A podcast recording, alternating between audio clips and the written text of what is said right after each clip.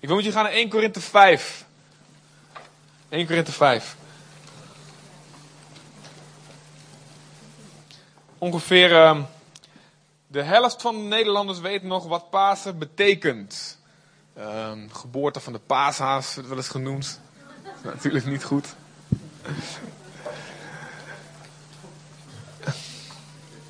Een extra vrije dag, dat weten de meeste mensen wel. Maar ik neem aan dat wij weten wat Pasen betekenen. Wat, wat, wij weten wat Pasen betekent. Um, de Joden vierden het Pesach. Vieren dat nog steeds trouwens. En dat vierden ze om te herinneren dat, ze, dat God hen bevrijdde uit het land Egypte, waar ze slaven waren. En in de nacht dat ze uitgingen, uh, dat, dat uh, God hen bevrijdde, dat was de nacht dat de tiende plaag, de laatste plaag, het laatste oordeel van God over Egypte, um, over dat volk kwam. En dat was dat iedere eerstgeboren zoon stierf. Gedood werd door een verderfengel. Heel heftig. Zowel van mensen als van dieren stierven alle eerstgeboren uh, jongetjes of mannen. En de Israëlieten werd gezegd om een lam, een stuk kleinvee te nemen. En om dat een aantal dagen bij zich te houden en om dat te slachten. En het bloed daarvan op de deurpost boven de deur aan te brengen.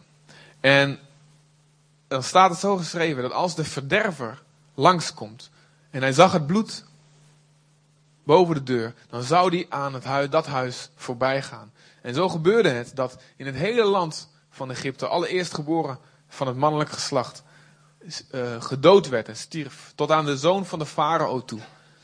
Maar niet bij de Joden die het bloed boven hun deur hadden aangebracht. En God gebood hen daarna, en er staat in Exodus 12 en de hoofdstukken daarna beschreven, om het Pascha, het Pesach, te vieren.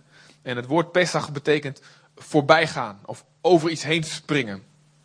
En dat betekent dat God, of nee, het oordeel, de verderver, het verderf gaat aan jou voorbij. En um,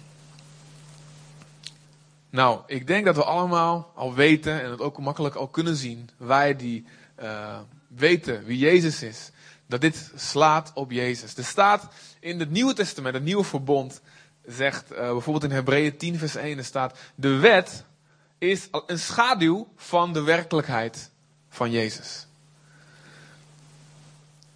En het, het, is, het is dus een teken, het wijst ergens naartoe. En het lam dat, is, dat, dat geslacht wordt, is een heenwijzing naar Jezus. En in 1 Korinthe 5 staat dat beschreven. En 1 Korinthe 5 vers 6 zegt Paulus, jullie roemen deugt niet. Jullie trots zijn, jullie opscheppen over jezelf. Dat, heeft, dat slaat nu even nergens op. En het heeft te maken met een situatie dat er zonde was in de, in de kerk. Er was zonde en er werd niks aan gedaan. En dan zegt hij, weten jullie niet dat een klein beetje zuurdeeg het hele deeg zuur maakt? Doe het oude zuurdeeg weg, opdat je een vers deeg mag zijn.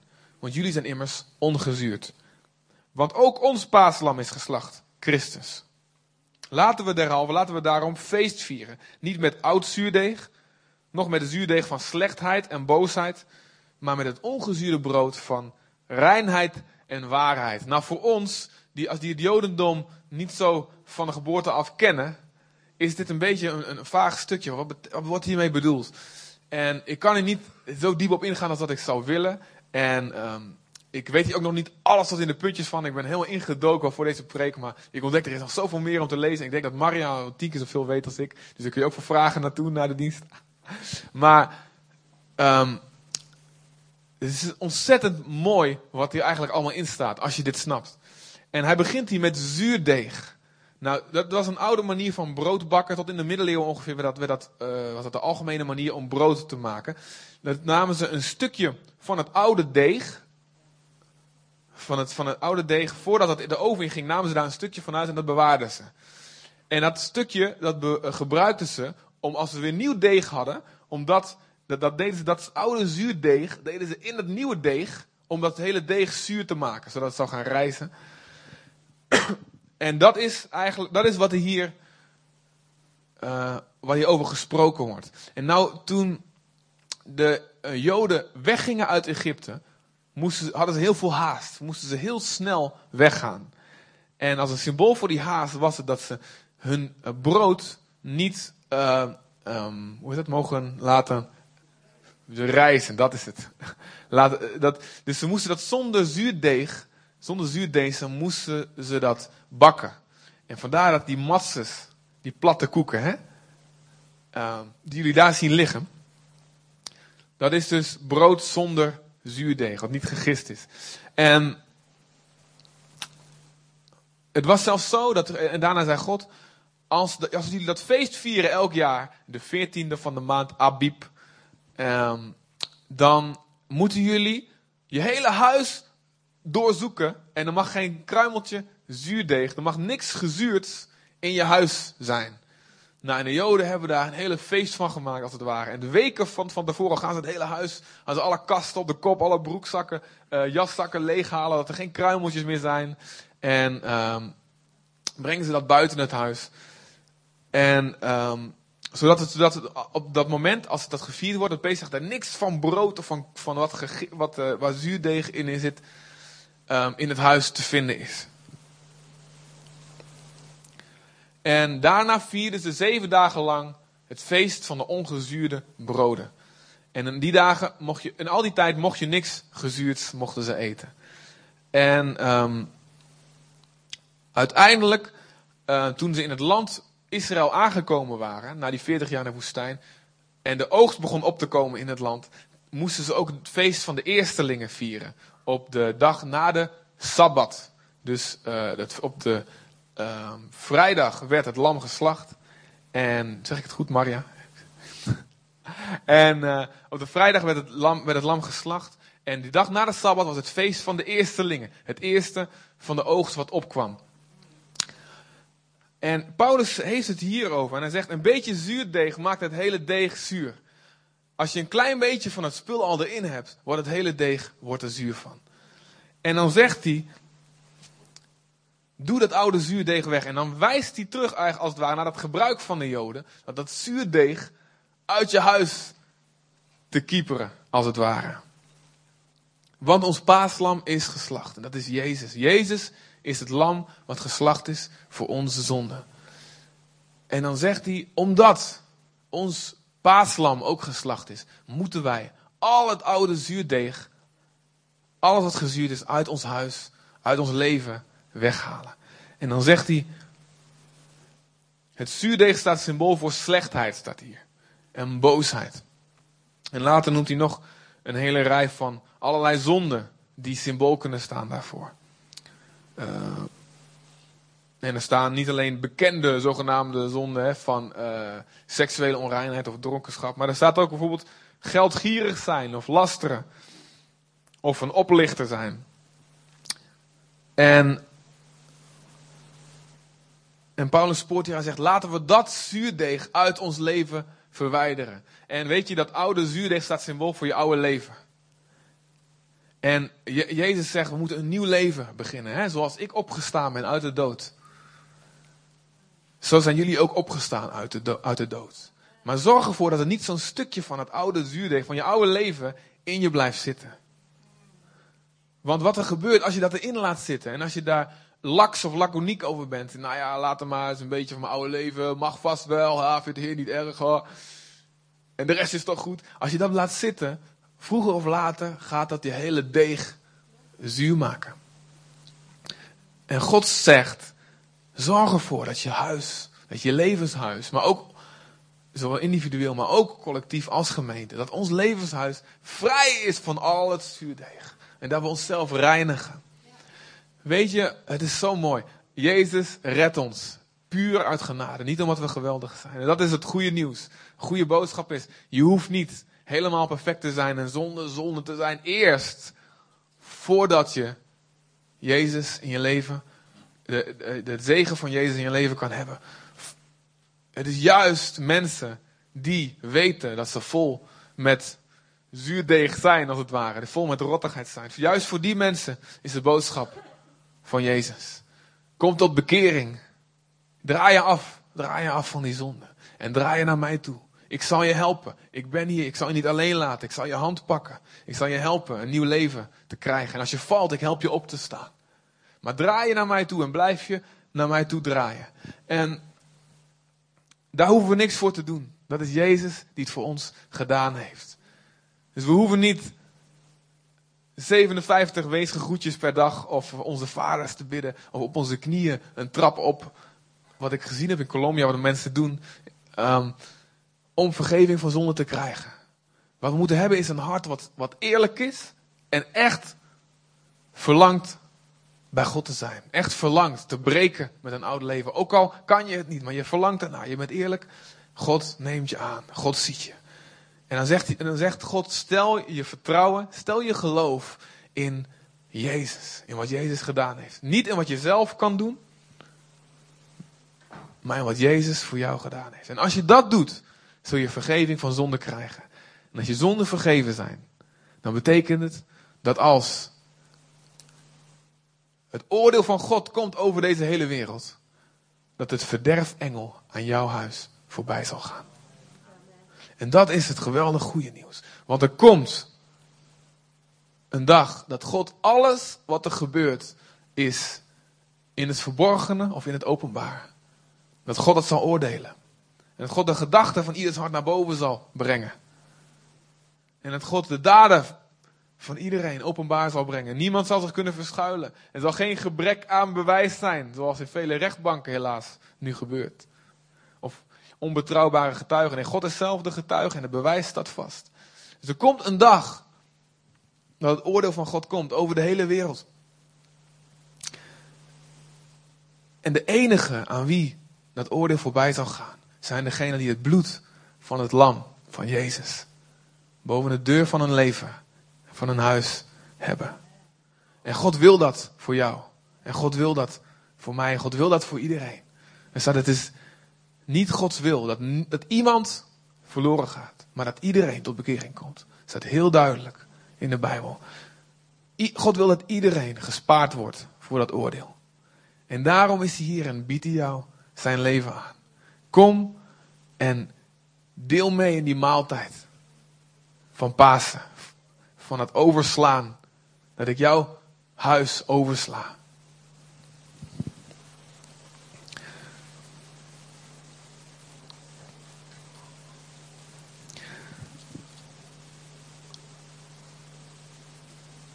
En nou, ik zou heel veel details kunnen noemen van, waar, van, van dingen die in de Bijbel staan die zo geweldig wijzen naar Jezus.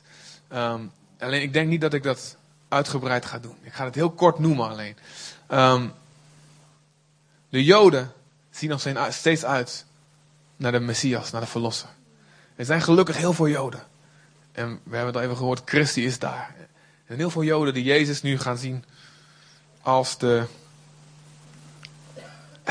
als het lam van God. En het is een geweldig, geweldig um, de wekelijkse verzakking. Dat is nog. Die, die komt voorlopig niet meer los, nee. Um, waar was ik? Um, er staat van het paasoffer, er mag geen bot van hem gebroken worden. Geen bot mag gebroken worden. Wat gebeurde met Jezus? Er werd geen bot gebroken. De timing dat Jezus stierf. De staat van het paaslam in Exodus staat, hij moet geslacht worden in de avondschemering. Nou, dat staat eigenlijk in het Joods staat daar, in het Hebreeuws staat daar, tussen de twee avonden. En de Joden hadden twee avonden als het ware. En de eerste was om drie uur en de tweede was om zes uur. En op de eerste avond, als het ware, om drie uur, dat is precies het tijdstip dat Jezus 1400 jaar later stierf, geofferd werd aan het kruis. Door de Joodse religieuze leiders, offerden hun paaslam. Zonder dat ze het wisten. Precies door God geregistreerd. Geregisseerd.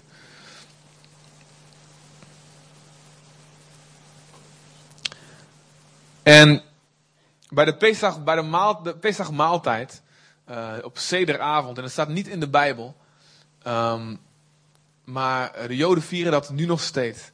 Dan uh, werden er drie matzes genomen. Drie van die koeken.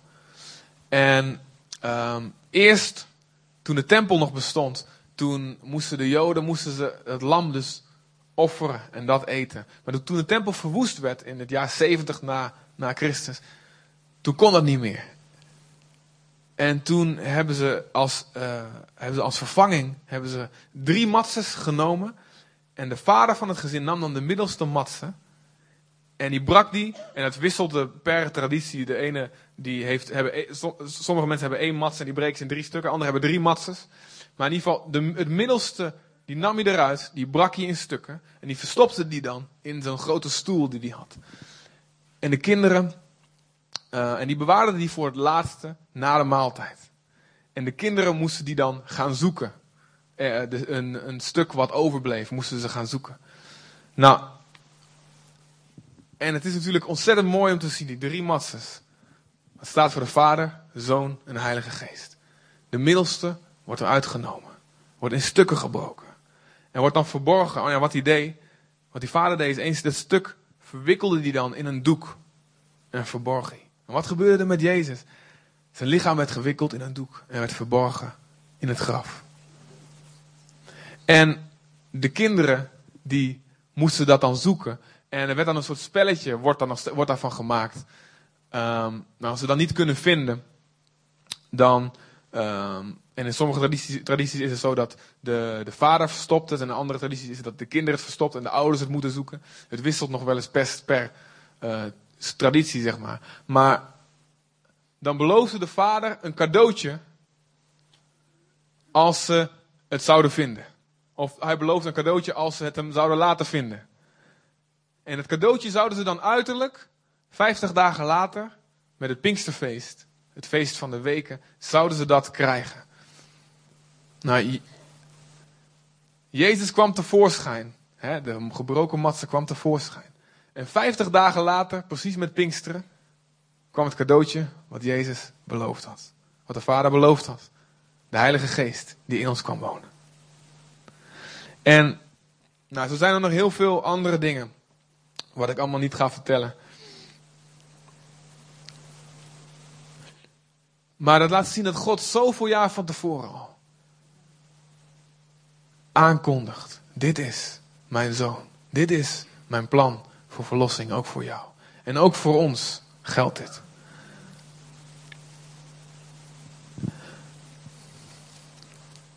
En God zegt: neem het aan door geloof. Neem het aan. Vertrouw mij. Eet van mijn maaltijd. En word deel van mijn gezin. En maar wat God daarna ook zegt tegen ons. Is laten we, vier dan ook dat feest van die ongezuurde broden. En reinig je huis. Reinig je leven. En eigenlijk is dat niks anders dan gewoon blijven in hetzelfde vertrouwen op God. Als waar je mee begonnen was. Je begint met geloof, je begint met vertrouwen in Jezus. En je gaat er gewoon mee door. En je eindigt er ook mee. En Jezus zegt: Wees volmaakt, zoals mijn Vader volmaakt is. Petrus zegt: Wees heilig, want ik ben heilig. Dit is wat God zegt. De Hebreeën schrijver zegt: Jaag naar de heiliging, zonder welke niemand God zal zien. Jezus zegt: Gezegend zijn de reine, de zuiveren van hart want zij zullen God zien. Paulus schrijft, omdat we zulke grote beloften hebben, laten we onszelf reinigen van alle bezoedeling, alle bevuiling van ons vlees, van ons lichaam en van onze geest. En op die manier onze heiliging volmaken. In de vrees, in het ontzag voor God. Jezus zegt, wie in mij blijft, zal veel vrucht dragen. Maar wie in mij niet blijft, die verdort want die heeft, is niet meer in contact met het leven. En die zal uiteindelijk buiten gegooid worden en verbrand worden. Dus Jezus zegt, begin niet alleen met mij. Neem niet alleen mij aan als je Heer en Redder. Hou het niet bij dat ene moment van bekering. Hou het niet bij dat ene moment van tot geloof komen. Hou het niet bij dat ene moment van een gebed bidden. Maar blijf bij mij. En vertrouw ook op mij om je heilig te maken. Net zoals je vertrouwt dat ik jou vergeef, vertrouw mij ook dat ik je kan heiligen. Nou, moeten we daar zelf dan heel hard ons best voor doen? Moeten we ons anders kleden, zoals we net gezien hebben, een mooie burka aan? Of een, dat heette geen burka, maar een burka-achtig iets. Eh, moeten we dan, uh, mogen we dan uh, niet meer in contact komen met niks van de wereld? Moeten we de tv en internet uit onze huis schoppen? En wat dan moeten we helemaal ruitjes, uh, lange jurken gaan dragen, zoals de Amish met zo'n kapje, in huifkarren gaan rijden? Of wat voor dingen je me kan bedenken, want wat hoort bij heiligheid? Heiliging. Nee, het moet misschien wel. Misschien laat God aan je zien dat je de tv de deur uit moet doen. Dan moet je het doen. Misschien laat God aan je zien dat je wat deftiger of wat, wat netter moet kleden. Dan moet je dat doen, absoluut. Misschien laat God je zien dat je niet meer met sommige mensen moet omgaan. Niet omdat God een hekel aan ze heeft, maar omdat ze een slechte invloed op je hebben. En omdat God wil dat jij ze ook kan helpen. En dan moet je zelf ook eerst sterk voor worden. Misschien betekent dat al die dingen. Maar niet per se. Heiligheid is niet iets uiterlijks. Heiligheid is niet iets van de buitenkant. Het kan wel, het zal uiteindelijk wel uiting hebben aan de buitenkant, maar het komt van binnen. En God heeft bij mij het zo gedaan. Ik ben tot bekering gekomen zonder dat ik er iets voor deed. En ik was hartstikke verrot van binnen. En God, die, de Heilige Geest kwam en die overtuigde mij. Dit en dit en dit en dit en dit. In die kamer in Indonesië, eh, elf jaar geleden. Dit en dit en dit. Dit vind ik niet oké. En jij haalt het niet uit jezelf. En dat dacht ik, ik ben wel goed genoeg. Ik haal het wel bij God. Hij mag trots op me zijn.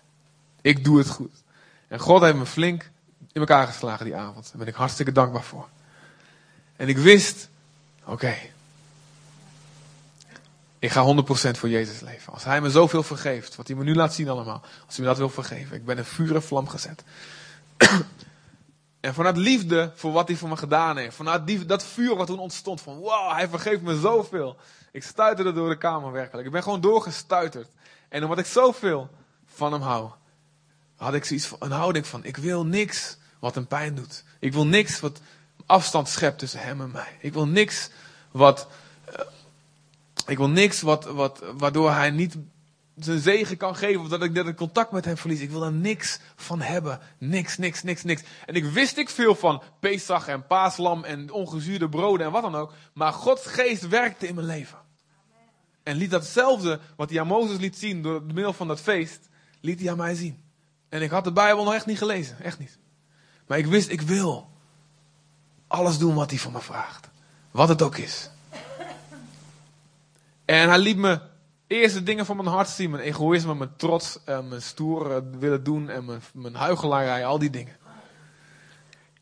En daarna, stap voor stap, het ging niet allemaal in één klap. Stap voor stap liet hij me zien, hé, hey, dit en dat, dit moet je opruimen. Eén dag kwam ik de, kwam ik de trap afstuiteren en, wow, ik kon niet wachten om wakker te worden als het ware. En, um, want dan kon ik bij God zijn. En ik moet zeggen, soms dan, dan nu, ja, dan ben ik wat drukker en dan, dan heb ik dat minder. Dan heb ik het echt minder. Ik wil het wel weer terug en ik wil dat houden, dat eerste vuur. Maar ik stuitte die dag van de trap van, oh God, ik wil bij u zijn, ik wil bidden en ik wil aanbidden, ik wil zingen en ik wil woord lezen. En de hele, iedereen, iedereen was het huis uit en ik was, ik was alleen, ik kon de hele dag bij God zijn. dacht ik, yes, yes. En ik begon met mijn dag met, God, wat er ook is, wat u ook wil voor mij, ik doe het. Wat het ook is, ik wil niks wat u niet wil hebben. Ik wil niks wat tussen mij en u in staat. En God zegt, oké, perfect. Ga maar naar die en die toe en vraag hem vergeving. Voor wat je gedaan hebt vorig jaar. Toen je hem hebt laten zitten met zijn bedrijf terwijl hij jou ingewerkt had. Maar jij ergens drie gulden per uur meer kon verdienen. En je hem zo hebt laten stikken. Oké, heer. ik heb allerlei uitvluchten bedacht. Ik belde de kapper op. Ik ik moet naar de, eerst naar de kapper. Nee, de kapper was dicht op maandag. Ik zeg, heer, ik bel hem al op. Nee, ga naar hem toe. Oké, weet je wel, ik, daar, voordat ik er spijt van krijg, ik spring op mijn fiets. En ik ben uh, van Olst naar Deventer gefietst. En, en met de kloppende keel. Nee, hoe heet dat? Nee. Um, een knikkende knieën en een kloppend hart in mijn keel. En een kikker er ook nog erbij. Stond ik daar voor die deur en dacht, oh, ik hoop dat hij niet thuis is. Ik hoop, maar hij was thuis hoor. Hij was thuis. En ik, ik vergeving vraag. Ik dacht, ah, misschien is hij iets vergeten. Misschien weet hij er niks. Misschien vond hij het helemaal niet zo erg. Nee, hij wist het nog heel goed. Hij wist het nog heel goed. En er was een genadig persoon, weet je. Want in de tussentijd, terwijl ik hem had laten zitten en ik had al nooit vergeving gevraagd. En ik kwam terug uit Indonesië, bekeerd en al, maar ik had wel tyfus opgelopen. Ik was bijna dood. Is hij in het ziekenhuis, is hij me opkomen zoeken. Terwijl ik hem dat geflikt had. hij kwam, ik, weet, ik was half zo, ah, ik wist er niks van. Je bent helemaal weg als je tyfus hebt. En, uh, maar ik wist wel dat hij er zat. En ik dacht, man, hij is wel echt een genadige gast, weet je. En hij vond, hij vond het zo fijn. Met tranen over onze wang hebben we daar gezeten. Vergeving gevraagd, dingen rechtgezet. En ik ben al echt al zwevend ben ik naar huis gefietst. En zingend. En die mensen die bij het stoplicht naast me stonden, die snapten er niks van. En, um, en ik wist, weet je, wat Jezus zei. Mijn voedsel is de wil te doen van mijn vader. Dat, dat, is, wat, dat is wat me blij maakt. Dat is wat me kracht geeft. En zo stap voor stap zei God dit uit je leven, dit uit je leven, dit uit je leven. En um, je moet wat minder tv kijken. Niet omdat het een, een onrein ding is per se. Nee, omdat het veel tijd van je rooft. En omdat je vaak dingen ziet die je gedachten beïnvloeden. Dat je anders naar vrouwen gaat kijken, anders naar jezelf gaat kijken, anders naar mensen, naar het leven gaat kijken. Je moet stoppen met uitgaan, niet omdat dat een onreine plaats is per se. Nee, we kunnen heel goed evangeliseren in de discotheek, amen. Of in de coffeeshop, of waar dan ook, of de paranormaalbeurs. Maar op dat moment was ik er niet sterk genoeg voor en ik werd meegesleept. En ik ben nog één, avond heb ik het geprobeerd om te gaan. En God heeft me werkelijk eruit gejaagd. En ik kon niet meer tegen de muziek. Echt iets boven natuurlijk. Ik kon er niet meer tegen. Um, en niet tegen de sfeer en tegen de agressie en wat dan ook. Terwijl ik normaal, dat doodnormaal vond. En, en ik ben vaker uit, uit, uit, uit, uit van zulke tenten gevlucht daarna. Ik wist, ik moet het niet meer doen. En uh, zo stap voor stap, God liet me dingen zien. En het was niet zo dat die zei, dan moet je mee stoppen. Want dat zeiden ze wel tegen me daarvoor. Voordat ik tot, echt op bekering was gekomen. Zeiden ze, eigenlijk is dat niet goed, eigenlijk is dat niet goed. Zei, ja, onzin, weet je, dat valt wel mee. En God zelf liet me zien van binnen. Van binnen. De ongezuurde, de, de, de, de gezuurde broden moesten uit mijn huis gedonderd worden. En de Heilige Geest liet me dat zien, stap voor stap voor stap voor stap. En ik had lieve vrienden en een lieve, lieve groep om me heen, een lieve familie ook die me steunde daarin. Dat, dat hielp ook natuurlijk. En dat heeft het ook makkelijker voor, gemaakt voor mij dan het misschien voor velen van jullie is. Maar ik weet, jullie verstaan ook de stem van de Heilige Geest. Als je in bent gegaan, in als je, eh, laten we zeggen, als je Jezus kent, als je tot bekering bent gekomen, hey, de Heilige Geest spreekt tot je hart. En je weet, we weten allemaal wat van die, van die kruimels misschien, of misschien grote stukken van dat gezuurde brood nog in ons leven is. We weten het allemaal van binnen. Alleen soms, we denken zo vaak, het kan niet, het is zo moeilijk. Het lukt me nooit. En God zegt, net zoals je mij vertrouwt, net zoals je mij gelooft dat ik je redder ben, vertrouw en geloof mij ook dat ik je heiliger ben. Dat ik de Heer ben die jou heilig. Vertrouw mij. Zoek mij.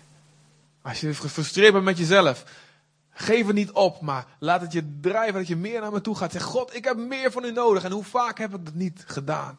Dat God tegen me zei, je moet stoppen met dit. Met, met allerlei onreine zooi. Of met hoe ik naar mensen keek. Of dingen die ik uit mijn mond flapte. Of wat dan ook. Hoe vaak ben ik niet gefrustreerd geweest met mezelf.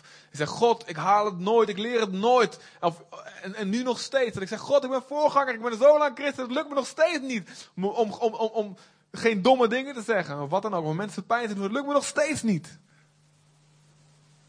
En ik zeg, God, ik moet meer van u hebben. Ik moet meer van u hebben. Ik heb meer van u nodig. En dan komt hij. En dan weet ik, hij vergeeft me. En soms zegt hij opnieuw, ga vergeving vragen aan je vrouw of aan die en die wat je gedaan hebt, weet je. Maar ik blijf doorgaan, ik blijf doorgaan, want ik vertrouw God. Hij, hij, heeft hoop voor een hopeloos geval als ik. En hij heeft hoop voor een hopeloos geval als jij. En, als, en speciaal je buurman. Die altijd wat hopelozer is als jezelf. Geintje, Voor ik hier brief over krijg. God wil jouw heiliging. 1 Thessalonicense staat het. En het is goed om dat even op te zoeken als enige tekst misschien. Al die andere dingen, die, die teksten die ik genoemd heb. Als je wil schrijven, 2 Korinther 7 vers 1. 1 Petrus 1 vers 14 tot 16. Of uh, Hebreeën 13, ik weet even niet het vers. Over jaag naar de heiliging zonder welke niemand God zal zien. En in 1 Thessalonicense 4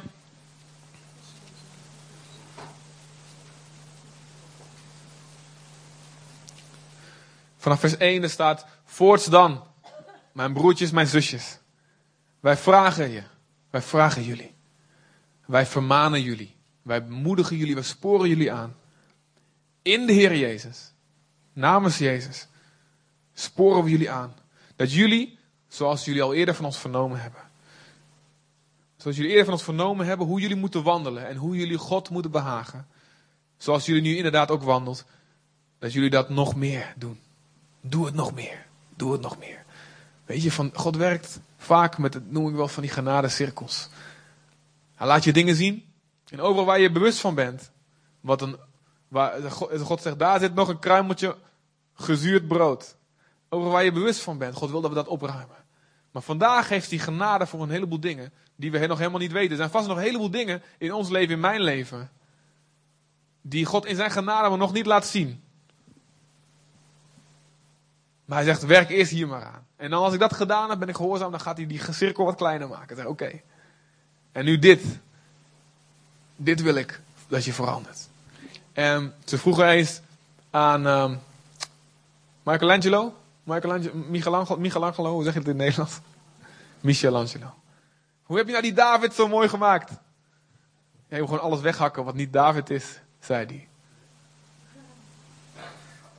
Gewoon zo'n blok steen. En zo zegt God, die, die, hakt ook bij ons alles weg, wat niet Jezus is. En vandaag laat hij je iets zien, maar laat hij iets nog niet zien, wat hij je morgen wel laat zien. En zo word je steeds meer, steeds meer, steeds meer als Jezus. En het zijn geen wetten, maar het is iets van binnen. En dan staat er, want jullie weten in vers 2 welke voorschriften wij jullie gegeven hebben door de Heer Jezus. Want dit wil God, uw heiliging. Dat je je onthoudt van de hoererij, van alle seks buiten natuurlijk. En dan gaat er nog een aantal andere dingen noemen over liefde, over hebzucht. En, maar let op dit kleine stukje. Dit wil God. Jouw heiliging. Jouw heiliging. God wil het. En als God iets wil, dan helpt hij er ook bij. Amen. Als God iets wil, betekent dat het kan. God wil onze heiliging. Als gemeente en als persoon. En wat, we, wat ik wil doen, is we gaan weer het avondmaal gaan vieren. En um, nou wil ik eerst even um, jullie aandacht vestigen op hoe mooi dit er allemaal uitziet. Um, jullie zien hier de banier en hoe de tafels zijn ingericht. En ook de plaatjes, de, de tekst die erbij staat. En de Heilige Geest heeft het gemaakt. en het zal uit de hemel komen vallen. maar er zijn wat, lieve zusters mee bezig geweest, wiens naam ik niet mag noemen. Maar um, ik, wil jullie even een applaus daarvoor geven. Dat is, dat is heel erg mooi. Ik vind het heel erg mooi.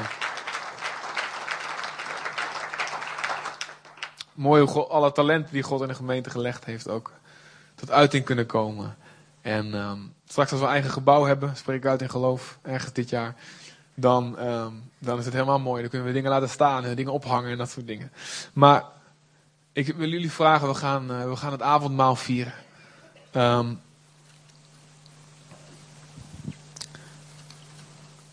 en um, het avondmaal wat Jezus ook vierde. En nou vraag je je af waarom Waarom vierde Jezus het op donderdag al, donderdagavond? Er zijn verschillende uitleggen over. Maar de ene die ik, waar ik, die ik tot nu toe het meest overtuigend vind, is dat um, je had twee, um, twee scholen bij de Joden, Sadduceeën en Fariseeën. Dat is een klein detail gewoon hoor, voor wie nieuwsgierig is. Maar um, de hoge priesters waren de Sadduceërs. Caiaphas en Annas waren Sadduceërs. En uh, die volgden de, de lijn dat op vrijdag het, de, uh, de paaslam geslacht werd. En daarom werd Jezus werd onder de hoge priester gekruisigd. Door de, uh, en dat was, daarom was het op vrijdag. Maar uh, de andere traditie liet het op donderdagavond al plaatsvinden. En dat is waarom Jezus die avond het vierde met zijn discipelen. En, maar dit symboliek, hij, hij, nam daar dat brood, die matzes, en hij brak het. Hij zei, dit is mijn lichaam. Dit is mijn lichaam wat gebroken wordt voor jullie. En jullie worden deel van dat lichaam. En zoals ik gebroken word, biedt ook jouw lichaam aan om gebroken te worden. Om te sterven aan je oude mens. En om alleen maar te leven voor Jezus. Alleen maar te leven voor Hem. Te begraven worden in de doop en op te staan uit het water. Dat is een nieuw leven. Trouwens, 13 april doopdienst. Hebben we er na onze laatste stand zes, zeven? Vijf of zes? 13 april, doopdienst. Ja, zeker. maar, waar was ik? Um, om te gebroken, gebroken te worden, net als Jezus. En Jezus zegt dit over de wijn, zegt hij, dit is mijn bloed. Wat, wat vergroten wordt, zodat jullie vergeving van zonde kunnen krijgen. En ik wil het eigenlijk heel vrij gaan vieren. Um, ik wil niemand vooraan zetten. Um, want ik geloof, we allemaal geroepen zijn tot koningen en tot priesters. En dat we allemaal direct naar onze God kunnen gaan. En um, de, de muziek gaat gewoon wat aanbiddingsnummers spelen. En dan wil ik je uitnodigen om deel te hebben aan een maaltijd. En dat kun je doen als gezin of als echtpaar. Je kunt het individueel doen. Um, wat je zelfs fijner vindt. Als je alleen, alleen bent gekomen en, en je wilt er niet, niet alleen vieren, sleep even iemand erbij. Zeg, wil je samen met mij vieren? Maar wat heel belangrijk is, is voordat je het doet, is. Je mag zelf de volgorde bepalen, maar je kunt hier bij het kruis gaan staan of gaan knielen. Je kunt op je plaats dat ook doen. Maar ik wil dat je eerst bewust wordt van wat er gebeurt. En dat je ook in je hart een besluit neemt. Hé, hey, ik wil niet alleen deel hebben aan die maaltijd. Niet alleen dat dit paaslam eten, deel, dat het deel van me wordt. Ik wil ook alle zuurdeeg uit mijn huis, uit mijn leven verwijderen. Al weet ik helemaal niet hoe. Al heb ik geen idee hoe dat ooit met mij moet gebeuren. Dan ben ik een hopeloos geval. En heb ik dingen gedaan waarvan ik, die niemand hier durft te vertellen. Maar ik wil het wel, ik wil het. En wil je vragen dat je dat besluit maakt eerst, voordat je komt. Of als je hier vooraan staat. Dat je, als je kunt met God spreken, je kunt God als het in zijn ogen kijken en zeggen, heren, ik weet niet hoe, maar ik wil het besluiten. Of heren, ik heb het al besloten, maar ik wil het u opnieuw laten zien. Wat u uit mijn huis wil verwijderen. Misschien is het een slechte invloed in mijn leven die ik moet veranderen. Misschien is het gewoon een slechte gewoonte. En ja, aan de ene kant is het iets wat uit je hart komt, wat spontaan komt. Waar je eigenlijk niet veel voor hoeft te doen, heilig te leven. Omdat de Heilige Geest het in je hart legt. Maar soms is het ook gewoon knokken. Gewoon bikkelen. Er staat in Hebreeën ook, je moet er bloedens toe weerstand bieden in je strijd tegen de zonde. Je moet je hand afhakken als die hand je tot zonde verleidt. En Ivar van der Sterren maakte ervan um, over, ja, zegt ook, als, als je, ruk je oog uit als je je tot zonde verleidt. En Ivan van der Sterren zei, ruk je kabel, je internetkabel of je tv-kabel er maar uit als het jou tot zonde verleidt. Misschien moet je zulke dingen doen. Ik hoop voor je dat het niet nodig is, maar misschien wel. Misschien wel. Laat niks te extreem, te radicaal zijn. Hé, hey, hey, het gaat hier om leven en dood. Echt waar. God wil jouw heiliging. En God wil aan je huis voorbij gaan. Dat die verderfengel aan je huis voorbij gaat. Leef in geloof en blijf in Jezus. Jaag naar de heiliging. Dus ga hier, hier staan op de manier zo, ja, vier het zoals je het zelf het wil. Um, in de volgorde dat je het wil. Um, en je kan hier komen staan en gewoon hier aanbidden op je plek. Uh, laten we dit gewoon vrij doen. Ik wil je ook aanmoedigen. Uh, de gemeente is een plaats waar je je zonde mag beleiden. Jacobus zegt, beleid elkaar je zonde. En bid voor elkaar, opdat je genezing mag ontvangen.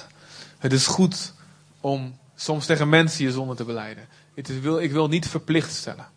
Maar ik wil wel zeggen, overweeg het wel heel serieus. Het is iets wat heel heilzaam werkt, wat heel goed is. Doe het met iemand die je vertrouwt. En, maar doe dat. En bid voor elkaar. En als je hier staat, we willen het eigenlijk gewoon vrijmaken. Het is misschien een beetje eng, maar geloof dat God, de Heilige Geest, wil werken. Als je, als je gewoon op je hart krijgt van, hé, hey, ik wil met jou bidden of ik wil je zegenen of wat dan ook. Doe dat gewoon. En wees dan ook eerlijk om gewoon nee te zeggen als je dat niet wil. Zeg, nou, ik wil liever alleen. Het is gewoon vrijheid in het huis van God. Maar laten we elkaar zegenen. Misschien heeft God een woord, een bemoediging voor die andere persoon. En twijfel je erover of je een woord hebt en je weet niet zeker, ga dan even naar Iemand van wie je weet, wie je weet dat hij volwassen is. Een vader en moeder in de Heer als het ware. En overleg eventjes. Maar laten we, het belangrijkste is dat we focussen op wat Jezus gedaan heeft. Als je deel hebt aan zijn dood, zul je ook deel hebben aan zijn opstanding. En dat vieren we vandaag. Amen. Is dit goed? Vader, we danken u, Heer. We danken u dat u uw paaslam gestuurd heeft, Heer. Dat u voorzien heeft in, in een weg, een ontsnapping, Heer. Voor ons. Wij die de dood verdienden. Ik had de dood verdiend. Maar nu, dankzij uw dood, leef ik met u. Dank u, Heer. Lam van God, Gods eigen zoon. Was met uw dierbaar bloed, was mij schoon. Neem mijn hand, bestuur mijn lot. Jezus Christus, mijn lam van God. Dank u, Heer. En uw bloed, het reinigt mij. Het doet, doet mijn leven, maakt me vrij. Dank u, Heer. Dank u dat u, dat u wil. Dat mijn leven schoongewassen is. En hier alles is mogelijk. Dus ook voor mij. Amen. Kom tot Jezus.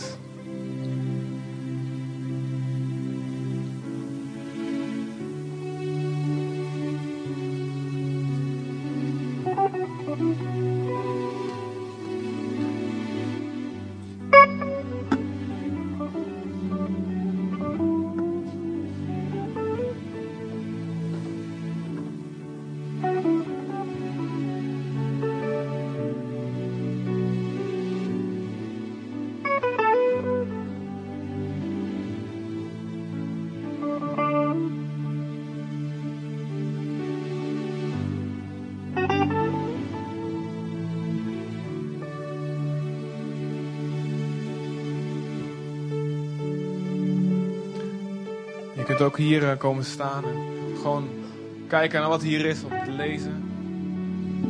Of je komen staan, je Bijbel meenemen. Als het ware overdenken wat Jezus voor je gedaan heeft. Wat voor manier ook maar in je hart komt. En dan als, als we merken dat iedereen ongeveer geweest is, dan sluiten we samen de dienst af.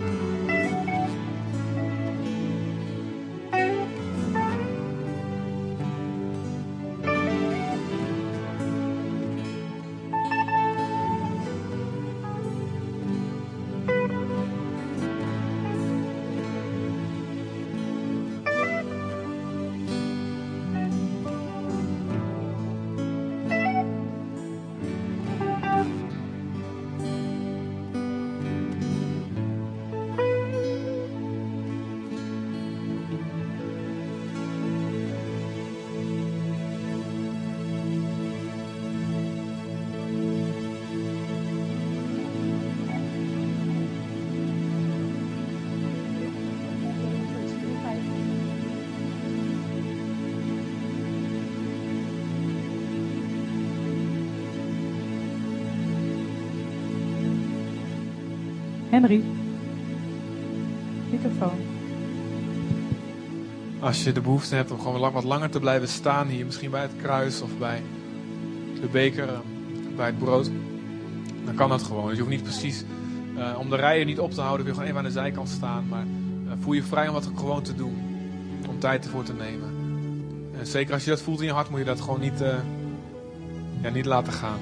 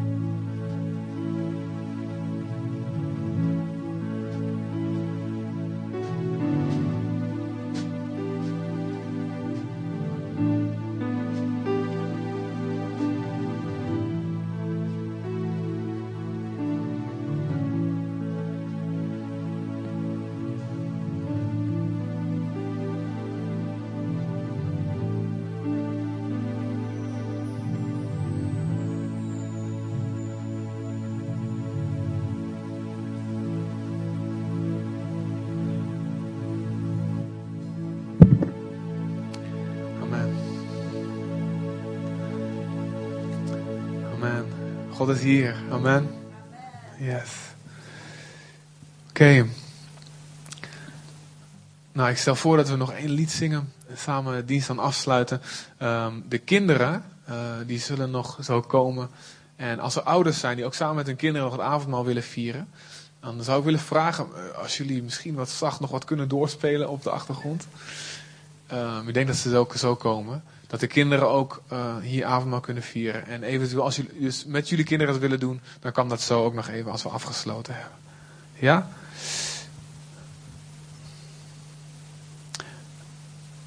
Amen. Zullen we gaan staan? Ja?